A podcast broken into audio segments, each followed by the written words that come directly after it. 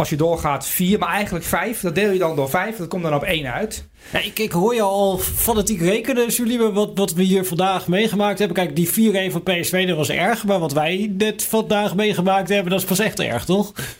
Nou ja, we hebben een uur en een kwartier opgenomen.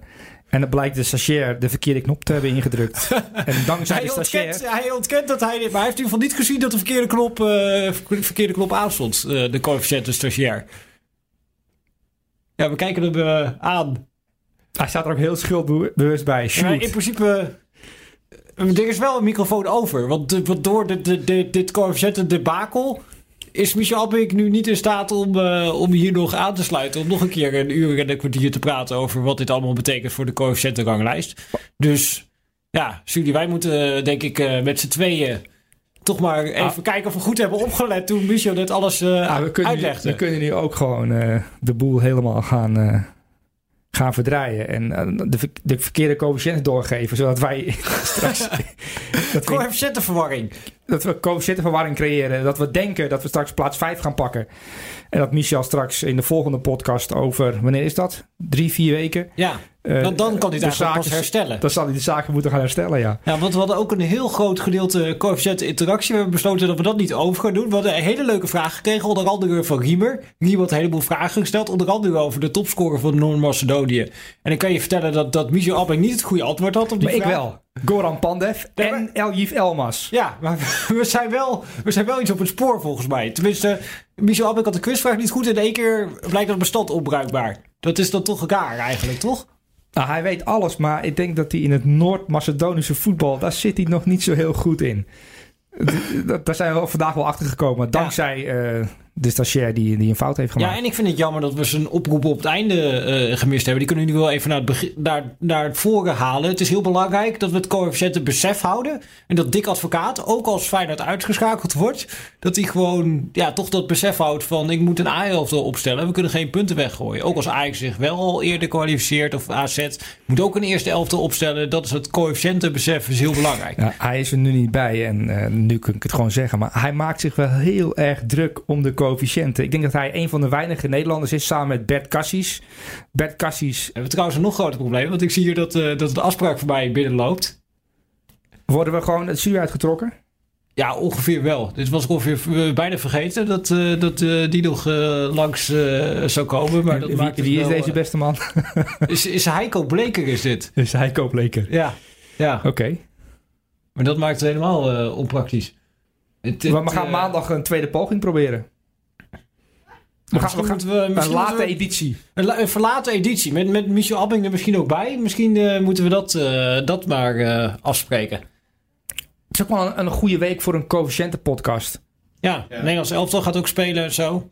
Kunnen we even rustig de, de het, het, slagveld ja. gaan beschouwen, beschouwen. Even goed in ons opnemen wat er allemaal gebeurd is. En dan nog eens een keertje met, met een frisse blik en frisse energie op terugkijken. We hebben nog natuurlijk de, de vier clubwatchers die die wedstrijden voor ons geanalyseerd hebben. Dus uh, die kunnen we sowieso uh, hier Misschien nog, kunnen we een, een, een, podcast maken van 2,5 uur, een experiment. Ja, en, en lees gewoon vooral op uh, VI Pro alles terug. Alles is 360 graden volledig geanalyseerd wat er allemaal uh, Wel jammer, want we, echt, we hadden echt een inhoudelijk uitstekende podcast ja, gemaakt.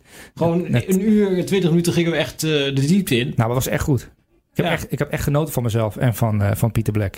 Helaas is het allemaal verloren gegaan. Dankzij één verkeerde knop. Is ja. jammer? Ja, is heel jammer. En we gaan beloven dat we, dat we maandag uh, echt uh, de diepte ingaan. Misschien kunnen we nog even de, de vier clubs kort langslopen. Ajax in drie woorden. Nou ja, dat was wel. Ik, we hadden hier een goed punt over. Dat, wij, dat ging allemaal over die scheidsrechter.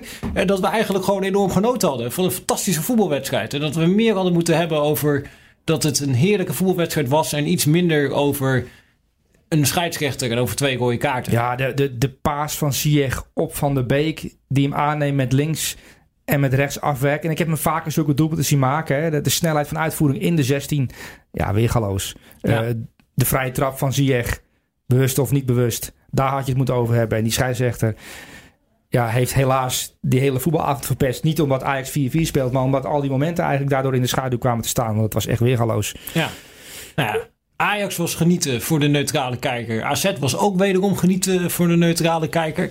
Ja, 5-0 eroverheen. Dat was fantastisch, toch? Ja, Arne Slot heeft punten gescoord. Uh, voor, uh, voor ja, zijn dat is even belangrijk inderdaad. De co coëfficiëntenpunten ook. Want Ajax had, uh, die heeft er een paar weggegeven. Dus die hebben er in plaats van uh, 2 wat 0,4 punt oplevert... hebben ze 0,2 punt gepakt. Want delen door 5 het aantal deelnemers en 1 punt gepakt.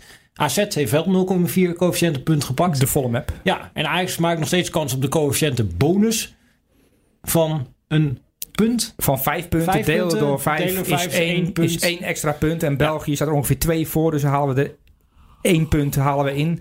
Um, en in Europa League pas vanaf de kwartfinale bonuspunten. Dus dan moeten de Nederlandse clubs uh, flink uh, nog drie rondes na de groepsfase door gaan stoten voor de extra bonuspunten. Ja. Uh, PSV zie ik het helaas niet meer halen, de halve finale, wat jij voorspeld hebt vorige week. Uh, AZ Ja, daarentegen. nul coëfficiëntenpunten, dus daar kunnen we ook snel overheen gaan. En dan hebben we nog uh, Ja, Feyenoord met debakel. 0,2.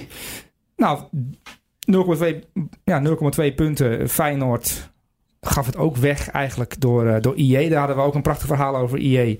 Uh, kunnen we, En ja. over Renato Tapia, die de restverdediging niet, uh, niet goed uh, bewaakt. Ja, kijk, daar verschillen we van over meningen. Kijk, hij is de chef restverdediging van uh, Dick Advocaat.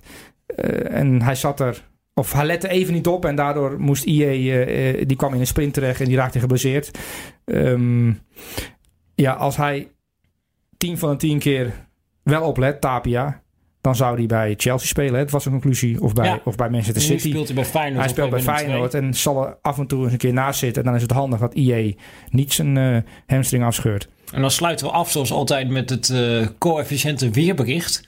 Hoe, hoe staan we ervoor? Ik kwam erachter, we sto- stonden er beter voor uh, na het uh, relaas van Michel Abbing dan ik eigenlijk dacht na deze week. Ik had een slecht gevoel, maar we hadden 0,8 punten. En België had ook 0,8 punten, maar er waren eigenlijk 0,8 masselpunten. Waar wij echt wel recht hadden op die punten, begreep ik van Michel Abbing. En Zonnige herfstdag kun je het wel noemen. ja, Een zonnige herfstdag. Dus misschien Ja. de conclusie van deze, van deze vierde speelronde in de Europa League en de Champions League. Een zonnige herfstdag. Michel Abbing begon heel vaak over uh, regen en zonneschijn. Ik noem het een zonnige herfstdag. Je, je, je bereidt je voor, hè? Je, hebt, je hebt je paraplu meegenomen en de zon begint te schijnen. en we mogen ons opmaken voor een mooie coëfficiënte lente.